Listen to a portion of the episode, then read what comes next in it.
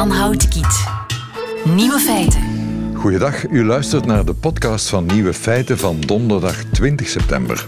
In het nieuws vandaag het nieuwe lettertype voor mensen die wat te kort van stof zijn: Times Newer Roman. Een tekst of een scriptie of een thesis in Times Newer Roman ziet er gewoon formeel en academisch uit, maar de letters en leestekens zijn heel subtiel, 5 à 10 procent breder. Om 15 pagina's te vullen in het traditionele Times New Roman, en dat is lettergrootte 12 dan, heb je 6680 woorden nodig. Met Times New Roman kom je toe met 5833 woorden. Tel uit je winst, 847 woorden. timesnewroman.com. U hebt het niet van ons. De andere nieuwere feiten we kunnen perfect met de helft minder koeien. Er zijn vier nieuwe persoonlijkheidstypes. Een meet and greet met de paus, of toch bijna. En u krijgt wat erotische alternatieven voor deze podcast. Geniet ervan. Nieuwe feiten. Met de helft van de koeien zou het ook gaan. Dat uh, blijkt uit een rapport van The Rice Foundation, een Europese landbouwdenktank. Laurens de Meijer, goedemiddag. Goedemiddag. Je bent beleidsmedewerker bij de Bond Beter en Leefmilieu voor voeding en landbouw. Je hebt uh, gisteren op Knak een stuk geschreven om de toekomst duurzaam vorm te geven, moet de Europese veestapel fors krimpen, dus halveren. Kan dat wel? Dat kan inderdaad. Het is een uh, zeer interessant rapport dat uitgekomen is, die eigenlijk voor uh, verschillende facetten gaat bekijken uh, hoe groot het de dierlijke stapel, de veestapel eigenlijk nog kan zijn in Europa. En ook voor verschillende lidstaten. En ze kijken naar hoeveel grasland is er bijvoorbeeld om onze koeien uh, voeding te geven. Uh, hoeveel uh, dierlijke voeding hebben we juist nodig binnen ons dieet, volgens de aanbeveling van de Wereldgezondheidsorganisatie. En dan wat is eigenlijk het, het, maximum dat we kunnen hebben op vlak van broeikasgasuitstoot en mestproductie. En dan zie je dat we met een gehalveerde veestapel nog altijd aan al die voorwaarden kunnen voldoen. Dat we nog altijd ons grasland kunnen begrazen, dat we nog altijd genoeg gevoed zijn. Ja. Maar dat we dat wel binnen de milieugebruiks te doen. Maar probeert die Rice Foundation of dit rapport ons niet duidelijk te maken dat het moet met de helft van de koeien? Uh, ja, inderdaad. Het is uh, zeker een wake-up call voor beleidsmakers. Hè. Beleidsmakers die op dat vlak uh, nog niet echt stappen durven zetten hebben of nog niet echt ja, durven voor een sterke strategische vooruitblik gaan van wat kunnen wij op lange termijn nog dragen hè, op vlak van klimaat, op vlak van milieu, maar ook op vlak van gezondheid. Uh, en de Rice Foundation bundelt eigenlijk voor het eerst al die factoren samen en zegt, kijk, er moet een actie ondernomen worden, er moeten moedige stappen genomen worden, mm -hmm. ook in het belang van die dierlijke sector, om die ook gezond te houden. Ja, maar, maar je merkt toch zelf dat er in de vleesconsumptie dat mensen minder en minder, enfin, dat er meer en meer mensen wat minder vlees gaan eten of geen vlees meer, dus dat gaat toch wel de goede richting uit? Ja, op een spontane manier hè, hebben wij zeker in België uh, zijn wij begonnen met uh, meer en meer over te schakelen naar plantaardige ja. alternatieven. We zijn een van de sterkste dalers in Europa. Je ziet dat ook in onze buurlanden diezelfde trend optreden. Hè, dus uh, vleesconsumptie stagneert of daalt. maar dat is eigenlijk zonder een ondersteunend beleid. We zien dat ons beleid nog altijd de dierlijke sector qua productie zeer sterk ondersteunt. Ja, spotjes, spotjes ja. om maar iets te zeggen, hè? Inderdaad, de spotjes van het Vlam zijn wel onbekend. Die uh, duwen ons nog altijd naar een te hoog vleesverbruik. En ondanks die uh, spontane daling hebben we wel nog altijd nu vandaag een uh, vleesconsumptie of dierlijke consumptie die dubbel zo hoog is dan ons maximaal wordt aangeraden. Mm. Dus het is wel nog te hoog. En daar is de, de bijvoorbeeld wel een heel goede stap in. Dat is dan wel een stap die het beleid neemt ja. om heel duidelijk te zeggen, kijk, we moeten minder vlees eten. Het zit diep in onze, diep in onze cultuur verweven. Misschien dat ons lichaam het ook denkt nodig te hebben. Omdat we generaties en generaties natuurlijk wel flink vlees gegeten hebben. Ja, het is natuurlijk wel zo als je gaat kijken hè, naar die generaties dat we pas de laatste 50 jaar uh, onze vleesconsumptie sterk gaan opdrijven zijn. Um, tussen de wereldoorlogen, of voor de wereldoorlogen, uh, was onze consumptie uh, veel gematigder. En we hebben uh, nu vandaag makkelijk een driemaal hogere consumptie dan toen.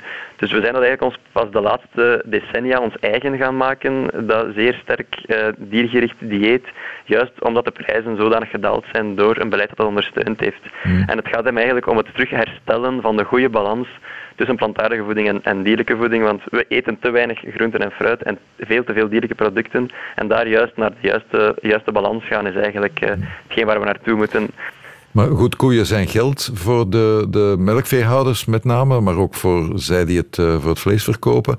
Hoe gaan die, en daar horen we toch heel, geregeld al klachten van van die mensen, we komen niet meer rond. laat staan dat je met de helft minder koeien moet doen. Ja, waar we eigenlijk voor pleiten is dat landbouwers uh, zijn natuurlijk uh, producenten van voedingen. Dat is een, een, een, de, de, basis waar ze voor streven. Maar daarnaast zijn ze ook beheerders van ons landschap. En je kan ook een systeem gaan ontwikkelen van subsidies die in plaats van het ondersteunen van die directe productie, want nu krijgt een veeteler voor elk dier dat hij houdt, hij krijgt hij daar geld voor. Uh, je zou kunnen zeggen, welke maatschappelijke diensten levert hij nog? Bijvoorbeeld in stand houden van graslanden, waar dan biodiversiteit zich op ontwikkelt. Onder die graslanden wordt koolstof opgeslaan. Zo draagt zij positief bij aan het tegengaan van de opwarming van het klimaat.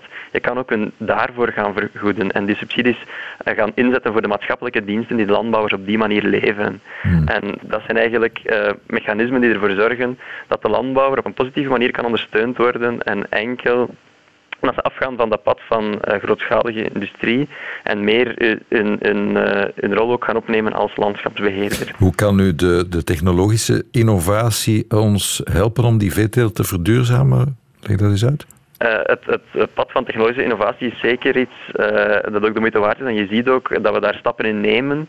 Uh, er zijn bijvoorbeeld voederadditieven die je kan gaan gebruiken of andere voeders die je kan gebruiken buiten soja om de methaanuitstoot te verminderen. Maar je ziet wel dat dat gelimiteerd is. Mhm.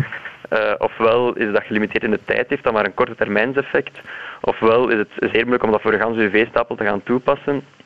En de stappen die nodig zijn, zeker in het klimaatakkoord van Parijs, en dat is het meest dwingende, daar zie je dat we er met die technologische innovatie alleen niet gaan komen. En dat er ook bijkomende maatregelen zijn zullen moeten genomen worden. En dat is dan die afbouw van de veestaat. Ja. Nu, dit rapport van die Rice Foundation, dat komt eigenlijk uit de sector zelf. Uh, wie, wie gaat er dan op de rem staan? Want als de sector zelf het al wil, wie houdt het dan tegen? Ja, wat, wat je ziet is dat die Rice Foundation is eigenlijk een denktank die gesubsidieerd wordt of uh, betaald wordt door een aantal grote bedrijven zoals Syngenta en Bunge, wat dan een grote sojaproducent is.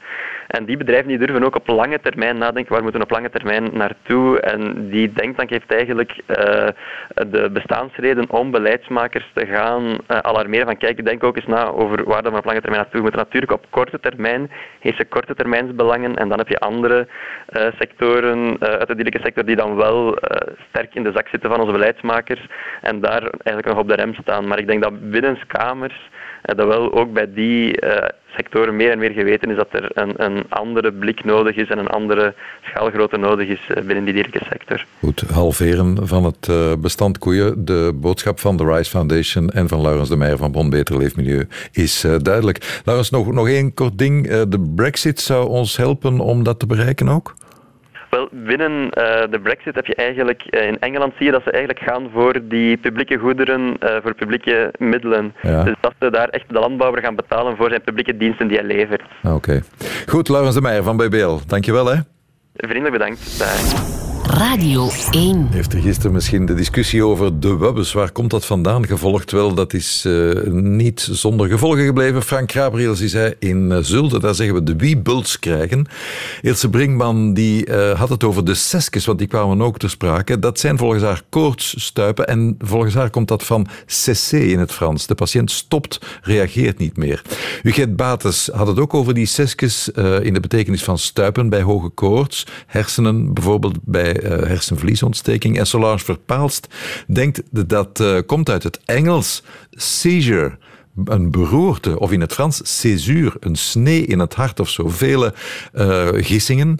En uh, Freek van der Velde, de taalkundige die we gisteren spraken, die zei: Ik heb intussen ook gevonden dat het een verbastering zou kunnen zijn van accessio. En dat is het Latijnse woord voor koorts. Wat zal ik dan zeggen? To be continued, zeker? Bla, bla, bla. Nieuwe feiten. Bla, bla, bla. Radio 1.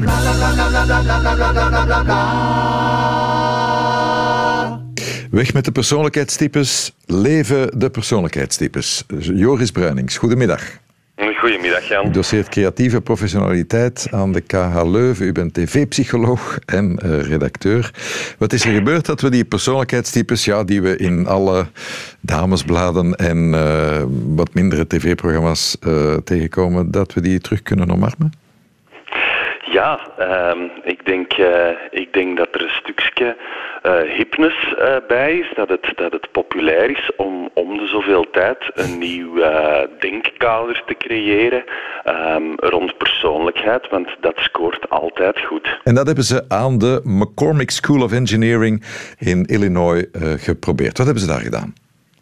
wel, ze hebben daar aan de hand van uh, een aantal heel bekende en gerenommeerde uh, persoonlijkheidstesten. Hè. Um, een van de dingen is bijvoorbeeld de Big Five of, of uh, hier staat My Personality Project, BBC Big Personality, hebben ze van een miljoen en een half mensen allemaal data verzameld en ze hebben gezien of dat er clusters kunnen ontstaan. Mhm. En ze zijn ertoe gekomen dat er inderdaad een viertal grote clusters zijn ontstaan die valide zijn, waar dat de correlaties goed van zitten. Ehm, en dan kwamen ze dus tot die vier types. Tot die clusters komen we zo dadelijk. Je sprak over de Big Five. Uh, wat zijn de Big Five, Joris? De Big Five zijn, ik ga het proberen wat te vertalen in het Nederlands. Hè. Dat, zijn, dat, dat is wat dat ik noem de neurotische schaal. Dat zijn de mensen die, die heel veel behoefte hebben aan structuur. Mhm. Dan heb je de extraverte mensen. Dan heb je de mensen die met grote openheid in het uh, leven staan.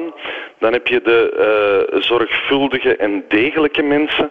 Uh, en dan heb je de schaal van vriendelijkheid. Dat zijn eigenlijk vijf persoonlijkheidskenmerken waar dat je jezelf een stuk kan plaatsen op een continuum en zeggen van oké, daar scoor ik zoveel op. En op het kruispunt van die vijf assen, daar zit je dan. En dan komen we bij die fameuze nieuwe clusters die ze na dat grote, hè, dat is, want anderhalf miljoen mensen onderzocht. Ja, ja. Ik bedoel, het zijn onderzoeken die samengelegd zijn. Uh, het is een soort meta-onderzoek eigenlijk. Ja. En dan kom je tot die vier clusters. Uh, mocht ik een trom hebben, dan zou ik hem nu roeren. Maar bij gebrek daaraan zeg ik maar catching.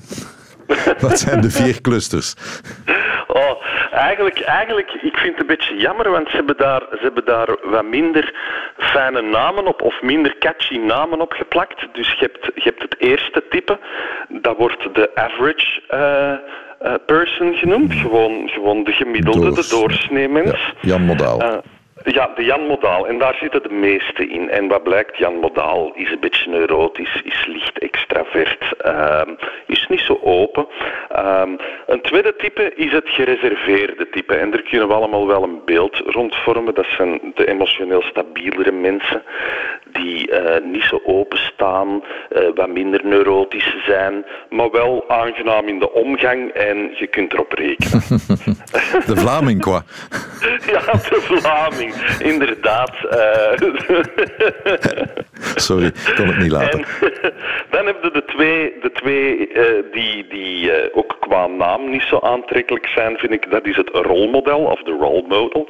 Um, en, en ja, het rolmodel er wordt van gezegd dat dat zo de mensen zijn die je graag volgt, hè, die dus, dus open zijn, waar je op kunt rekenen, vriendelijk zijn, maar niet, niet te neurotisch. En die die ehm, rol zelf graag spelen, neem ik aan, van rolmodel, of niet?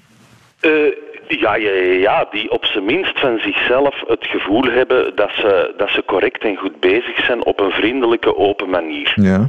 En ja, er zijn heel wat vrouwen die daarin zitten. Dus, dus je hebt heel wat uh, uh, fijne vrouwen die, die een stuk in dat rolmodel staan. Oké. Okay. Zijn dat dan... Eh, heeft dat, dat is, ik neem aan dat dat leeftijdsgebonden is. Want een rolmodel... Alhoewel, voetballers, sporters, mensen uit de, uit de showbiz ja. kunnen al heel snel rolmodel worden. Dat is ook wel waar, hè? Ja, alleen zou het wel eens heel goed kunnen dat bijvoorbeeld sporters of mensen van de media, hè, BV's, dat, uh, dat zij in de vierde categorie uh, thuis horen. En dat is namelijk de self-centered categorie. Dat zijn mensen die...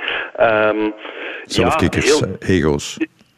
Ja, zo wat ego's, die zijn extravert, dus erg sociaal vaardig, maar zijn wat minder open, wat minder uh, vriendelijk, wat minder, uh, ja, je kunt er wat minder op rekenen. Lopen naast hun schoenen. Zichzelf, ja, ze zijn met zichzelf bezig. Mm -hmm. He, dus um, eigenlijk stipt het daar al aan. Hè. Um, wij kunnen niet in vier vakjes verdeeld worden. Wij kunnen wel zeggen van we hebben wat affiniteit naar het een of het ander, mhm. maar uh, dat maakt ons als mens net uniek dat wij, dat wij niet zo gemakkelijk een etiket op onze kop geplakt kunnen Precies, krijgen. want de, de onderzoekers aan de Northwestern University, aan die McCormick School of Engineering, hebben daar nu uh, namen. En je zegt het zelf, ze zijn niet zo sexy of zo prikkelend opgeplakt. Nee. Maar het gevaar is dat je mensen weer gaat onderbrengen. En wat jij probeert te zeggen is, wij, wij laveren eigenlijk tussen die vier clusters constant. Natuurlijk. En uh, een paar jaren geleden moesten we non-stop groeien in onze competenties en moesten we rijker worden als mens en moesten we hè, in, in, in elk bedrijf, ook bij de VRT neem ik aan, moesten we onze kwaliteiten inzetten om groeipotentieel te ontwikkelen. Dus dan kunnen we niet in dezelfde cluster blijven zitten, want anders doen we eigenlijk altijd een beetje van hetzelfde. Dus wij zappen afhankelijk van de context uh, wel een beetje. Als ik bijvoorbeeld um, uh, screenings doe of, of, of een persoonlijkheidsvragenlijst, dan vragen mensen altijd aan mij van, ja, maar is het in een werkcontext dat ik het moet invullen? Of is het in mijn privé? Is het bij mijn vrienden? Uh, dus ze zeggen, ze gedragen zich anders, ja, ze gedragen zich sociaal wenselijk, absoluut. naar gelang het professioneel of privé is. Ja, ja, ik ben bijvoorbeeld uh, erg vriendelijk in, in, in de omgang, maar misschien ben ik wel een nurk thuis. een nurk, eerlijk. Uh, Joris, uh, dank u wel. Zeggen wij nu gewoon tegen die mensen van de McCormick School of Engineering, dank u wel dat u anderhalf miljoen mensen heeft onderzocht, maar we zijn hier niets mee? Um, Goh, dat konden we ook tegen de Grieken zeggen. Ik zeg dat ook geregeld tegen mensen die, die uh, um, zo van die uh, uh, horoscopen maken voor de metro. Um, ja, bedankt. En ik kan er alleen maar uit leren, maar ik ga niet meestappen in de nieuwe hype. Dus zeg je, die Big Five, die assen, daar zijn we wel nog wat mee. Maar als je dat inderdaad gaat aflijnen in die clusters, dan dat is de stap te ver. Dat is wat we in feite niet zouden mogen doen. Ja, dat is, dat is persoonlijk natuurlijk. Hè. Een aantal psychologen zullen nu zeggen, ja, ho Joris, wat zeg je nu? Maar ik ben akkoord met die stelling die je net bracht. Eh, voor mij is het veel belangrijker hoe dat die assen met elkaar interageren. Mm-hmm. En als ik, als ik een persoon, ik, ik hanteer een persoonlijkheidsvragenlijst, waar dat ik heel tevreden van ben, mm-hmm. daar zijn negen assen. En het is de combinatie van die assen die een beeld van een mens vormen. Mm-hmm. En, en ja, dan komt de uit op veel meer dan vier types. Maar natuurlijk, hoe bigger de data op basis waarvan dit onder, soort onderzoek gebeurt, hoe, hoe dichter je wel bij een bepaalde maatschappelijke realiteit zult komen. Dat klopt. Ik zeg niet dat ze fout zijn, want ik, ik, kan, ik kan niet tegen de correlaties op. Hè. Dus uh, dat zal wel correct zijn geweest. Maar je kunt je afvragen, wat ben ik hiermee? dat is de vraag die ik uh, uh, onderhuids probeerde te stellen. Niet veel, hoor ik van u, Joris Bruinings. Um, minder. Ze kunnen wellicht daar een paar uh, boekjes gelijk de flair mee vullen. Um, maar ik ben er niet zoveel mee. Spijtig genoeg. De manier waarop u boekjes gelijk de flair uitspreekt... Uh, spreekt boekdelen. Joris Bruinings, docent creatieve professionaliteit aan de KH Leuven. Dank u wel. Graag gedaan, ja. Prettige middag. Nieuwe feiten. Altijd benieuwd. Een mirakel heeft zich voltrokken. Een ontmoeting met de paus Karel Billet. Goedemiddag. Goedemiddag, goedemiddag. Ik ben pedagogisch medewerker bij de katholieke landelijke jeugd, in de volksmond bekend als de KLJ. En jullie waren op Rome-reis. Ja, dingen gebeuren. Ja, inderdaad. Uh, en we hebben daar de paus mogen ontmoeten. Ja, ja, maar nu ben je het vooral iets te kort aan het vertellen. Hè? Ah, maar... Uh, ja. Wat doet een goede, een goede kajotter? Die gaat natuurlijk richting Sint-Pietersplein. Dat klopt. En toen, dat waren, klopt. toen zijn jullie het spontaan, hebben jullie het spontaan op een zingen gezet. Ja, ja we, zijn een, uh, we zijn een muzikale beweging. Hè. We hebben uh, volle bak het KLJ-lied gezongen. Oké. Okay. Uh, ja, inderdaad. Het KLJ-lied. kun je daar even klank bij geven? Zeker. ik zou wel vragen aan alle KLJ'ers die aan het luisteren zijn Ja. om ook volle bak mee te zingen. Hou het hè. kort. KLJ is gezond, stralende ogen en een lachende mond. Katholieke landelijke jeugd, dat zijn wij en zo willen we blijven. Ja. Dat is eh, ons refrein. En dat heeft de paus dusdanig geraakt dat hij eh, als aan de grond genageld stond en naar jullie is gekomen? Dat klopt, dat klopt, inderdaad. Die heeft eigenlijk eh, zijn gegeven aan ons Ja. en aan zijn security om, eh, om, ja, ons persoonlijk te mogen, allee, dicht bij ons te komen. Want jullie hadden al geprobeerd om in contact te komen. Dat jullie waren daar wel met, een, met het plan om hem te zien, hè? Ja, we hadden een audiëntie aangevraagd. Dus we waren momenteel redelijk dicht eh, bij de paus. Maar we hadden helemaal geen plan dat we, dat we ook ineens apart bij de paus zouden kunnen komen. Ja, En dan ineens gebeurt het wonder. Maar waar heb je het dan in godsnaam over met de paus? Dat, dat, daar, zou ik, daar zou ik geen weg mee weten. Wat, hoe spreek je die man aan? Wat zeg je daartegen? Ja, dat was natuurlijk wel heel overdonderend. We hadden dat ook niet verwacht. Eh, we hebben eerst natuurlijk ook wel meegegeven wie dat we waren, wat dat we zijn, wat dat we daar kwamen doen. Eh, dus dat hebben we kunnen vertellen. Eh, de paus was ook was onder de indruk over ons gezang. En heeft ook wel gezegd dat hij het heel mooi vond en dergelijke meer, maar, dat, maar dat hij er, geen- dat er geen woord van begreep. Ja. Dus, dus dat, was wel, eh, dat was wel grappig. Ja, en waar heb je het dan verder over? Of dat was het? Jullie hebben mooi gezongen. Ik heb er niks van begrepen, dankjewel. Ja, ja, ja. We hebben, eh, ja, we hebben hem ook, eh, onze RAF, onze proost van Oost-Vlaanderen, heeft er nog een, nog, nog, nog een verder gesprek mee gehad. Eh, en we hebben ook ons, ka- ons KLE-sjaaltje kunnen afgeven. En, en dat verdere gesprek is onderworpen aan de colloque singulier. Daar mag je niks over zeggen? nee, nee, nee, nee. Het is zeker, eh, zeker niets geheim aan, hoor. Eh, En wat- waarover een, ging het was dan? Een hele, het was een heel mooi, mooi gesprek, eigenlijk. Wel ja, ehm, het was eigenlijk... Vooral over wat dat we daar kwamen doen. Hè. Eh, Raf, onze proost, heeft daar ook kunnen over praten. En eh, die was heel blij dat we daar waren. En onze naam was daar ook eh, omgeroepen op Sint-Pietersplein.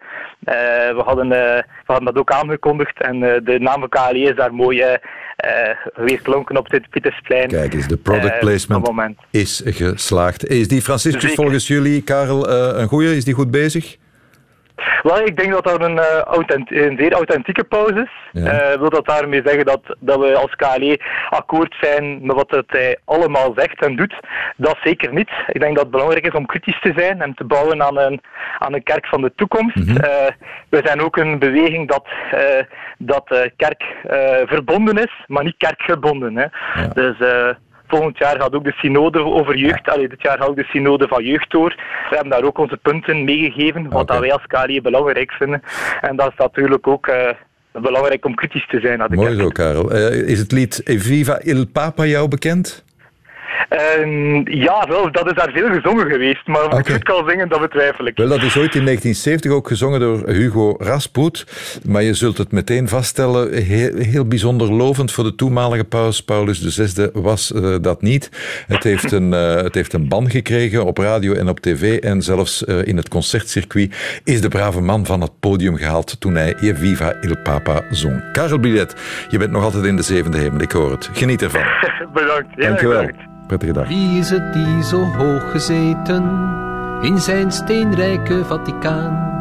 De plaats bekleed van een der goden die eigenlijk nooit hebben bestaan.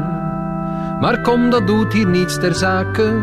Ten slotte staat het iedereen vrij zichzelf een godheid uit te denken. Er kan altijd wel eentje bij. Een rant zouden ze dat noemen nu. 1970 was het toen. Hugo Rasput, Helene de Bruyne. Hallo. Ja, als opruimend lied vind ik het wel slaapverwekkend. Foei. Radio 1. Nieuwe feiten. Helene de Bruyne, goedemiddag. Hallo.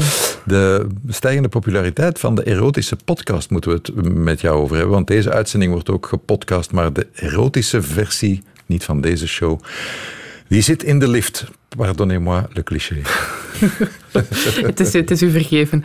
Ehm, ja, dat is al een paar jaar bezig. Natuurlijk vooral in het, eh, in het Engels, zoals met alle podcasts. Wij henken een beetje achterop, dus ook op het vlak van erotische podcasts. Maar er zijn er echt ontzettend veel in allerlei genres. Nu, eh, op, in tijden waar we alles en met beeld en met klank bij en met eh, al wat je wil hebben op het net vinden, wat is er dan zo bijzonder over een erotische podcast? Je kunt er beeld bij hebben waar je ook maar wil. Ik denk dat net het ontbreken van het beeld is wat het interessant maakt. In de eerste plaats omdat dat discreter is. Je kan op de trein moeilijk naar porno zitten kijken. Allee, dat kan je wel, maar eh, kan je altijd proberen. Doe gerust, ik heb er geen last van. Andere mensen misschien wel.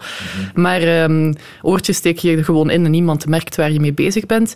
En bovendien denk ik ook, ehm, de, de radiozenders en televisiezenders gaan dat soort inhoud niet snel produceren. Daar En gaan, men- we, daar gaan we verandering in brengen, Helene. Eh, we gaan de proef op de som proberen te nemen. Ik zou zeggen, maak mij eens warm voor jouw eigen podcast. Ehm, ah, je gaat hem laten horen. Ik dacht dat ik een reclamepraatje moest afsteken. Dat, uh, laten we hopen dat de podcast zodanig goed is dat hij als reclamepraatje geldt. Het wordt meer een reclameboodschap vandaag. En we zijn geïnspireerd, we horen het al denken, daar zijn ze weer, die blijven met hun fixatie op hun eigen vagina, door onze regels. Inderdaad. Uh, en vooral door het feit dat weinig zo ergerlijk is als reclames voor tampon of maandverband. Het codewoord voor menstruele producten is discreet. Tampons worden altijd verpakt in kleurige wikkels, zodat argeloze mannen zouden denken dat het snoepjes zijn. En het bloed- en maandverbanden is in de reclame stevast blauw. Erotisch had je toch gezegd, hè? Nee, over seks eerder. Want het is nu, onze podcast is niet bedoeld om erotisch te zijn. wij, wij praten gewoon heel veel over seks en alles wat daar rondhangt en geslachtsorganen. En educatief en historisch en cultureel en sociologisch. En we dachten, die inhoud komt gewoon niet aan bod. Um, en toen hebben wij een microfoon gekocht en zijn we rond de keukentafel gaan zitten. Ik wil naar de erotica en wel snel. Uh, dat gaan we in Nederland doen. Um, in, ja, maar dat is ook weer meer educatief ongehoord, heet die podcast. Um, dat is waar een, een expert en een seksuoloog rond de tafel gaat zitten met iedere week andere gasten en praat over een bepaald onderwerp. Ik kwam op een gegeven moment in aanraking met, uh, met crystal meth. Het was zo opwindend en ik kon de controle loslaten. Dus er werd enorm gesext. Eerst één op één, later met meer mannen, later ook weer op andere locaties. Kwamen andere middelen bij. Uh, kwam GHB bij. En op dat moment wist ik nog steeds niet wat al die middelen waren. Maar ik heb gewoon een seksparty gehad van um, drie dagen, drie nachten. Uh, onafgebroken, niet geslapen, weinig gegeten, weinig gedronken. En um, dat was mijn kennismaking met, mm. met gemseks. Je, je lijf vol chemicaliën en gaan. Ja, probeer het dus niet thuis. In die podcast wordt het ook verder geduid wat de risico's zijn en zo. Dus het is ook alweer heel educatief. Ja. Uh, grappig ook, um, een seks kan ook um, hilarisch zijn. Dus um, een van de meest populaire podcasts in het uh, seksgenre is My Dad Wrote a Porno. ja, misschien moeten we eens luisteren. Why are we here? We're here because my dad's written a porno. Your dad's written a porno? Erotic literature. Why? What's it called? Well, do you want the full title? Yes. Because it is called Belinda Blinked. Belinda Blinked? Belinda Blinked. Is that her name? Belinda's her name. Hot. Yeah, it's a sexy name, isn't it? But the real title, to give okay. it its full title, is Belinda Blinked 1 A Modern Story of Sex, Erotica, and Passion. How the sexiest sales girl in business earned her huge bonus by being the best at removing her high heels. At removing her high heels? That's the title. wow! Yes. Dus drie seizoenen lang zijn ze al aan het lachen met dat hersenspinsel van de vader van die presentator. En het is effectief, het blijft grappig. Het is grappig, maar erotisch kan nee. ik dit uh, bezwaarlijk noemen. Uh, kun je mij toch uh, helpen richting climax? Want zo gaat Mijn hand zit al onder tafel. zo gaat het um, niet gebeuren, hoor. Nee, um, en dan bijvoorbeeld um, een andere podcast, daarin praten twee vrouwen over een bedavonturen. Misschien vinden sommige luisteraars dat dan wel opwindend. Holy shit. Yeah. I have never had a guy be that good at sex. He was doing all sorts of moves. Right. Holy shit. And his body, oh my God, he was so fucking hot. This oh, motherfucker boy. picks me up. Oh. Picks me up. Hey, yo. No one's ever, I've never had somebody do this. Picks me up and goes around the room. Oh boy. Bouncing me up and down on his dick. Oh wow. Daar kan ik al wat beeld bij krijgen. Dat, dat wordt al interessanter, toch? Maar zie je, verbeelding doet het. Je hebt helemaal geen beeld nodig. Dit dus volstaat. Waar. Maar heel erotisch is het niet. Het heeft geen erotische werk. Het is grappig, die twee... En het is ook leuk. Ik vind het ook wel bevrijdend dat vrouwen ook heel plat onder elkaar over dat soort dingen praten en dat dan durven uitzenden. Je hebt misschien ook gelezen, Eva Daleman, een heel interview over het feit dat zij masturberen, dat het haar helpt om Heb ik niet gelezen, nee. standaard is lezen, denk ik. Of andere tijdingen uh, die het daarover maar hebben. Is dan wel weer een, een, probleem als het over seks gaat in de media. Dat, dat is dan zo één anekdotisch iets, maar dat wordt ja. weinig interessant gekaderd. Dus. Heb je toch nog uh, eentje dat een beetje prikkelender is? Of uh, ben ik te veel eisend? Um, wel, het hangt ervan af wat jij prikkelend vindt. Maar um, ik weet niet of je bekend bent met het fenomeen van de fanfiction. Dat is waarbij films of series um, fans hopen dat de personages seks hebben. En dat gebeurt dan niet in de, de film of serie. En dan schrijven ze daar maar zelf erotische verhaaltjes over. En de fans van Harry Potter hebben dat dan gedaan uh, met Harry Potter. Allerlei erotische scènes waarbij de personages waar ze al heel lang van dromen dat ze met elkaar tussen de lakens belanden, dat dan ook eindelijk gaan doen. Harry Potter gaat los. Mm -hmm. What happens when your favorite Harry Potter characters get put in slightly more adult situations? The answer is Potterotica. Yep, that's erotic Harry Potter fanfiction. Dat is wel het meest bizar dat er te vinden is, hoop ik. Klinkt ook een beetje als Harry Potter. Zo. Harry Potter. Ik, daar wil ik dan weer geen beeld bij. Uh, maar de erotische podcast is here to stay. Ik denk het wel, ja. Dankjewel, Helene de Bruyne. Nieuwe feiten. Middagjournaal. Soms ontmoet je iemand en ga je met die persoon naar bed. En soms denk je dan: dit is liefde. Je kan niet precies verklaren waarom, maar je weet het vrij snel. Je voelt het in je lijf. Hoe je de ander aanraakt, hoe je beweegt, hoe je ademt. En je denkt: ik herken dit.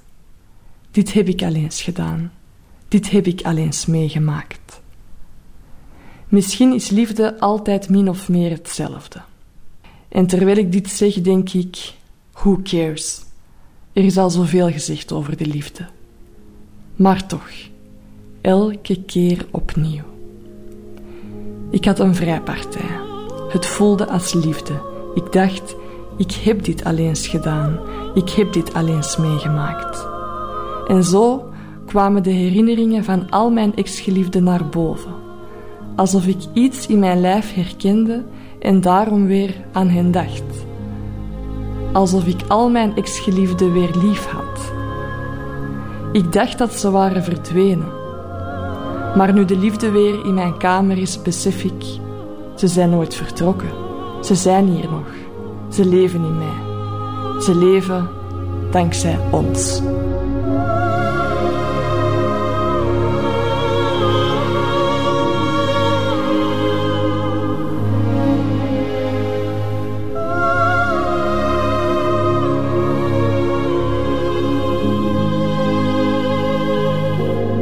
Zo werd dat laatste kwartje nieuwe feiten misschien toch nog wel een thematisch kwartje. We wensen er u veel plezier mee en mogen de verbeelding u nog veel genot schenken.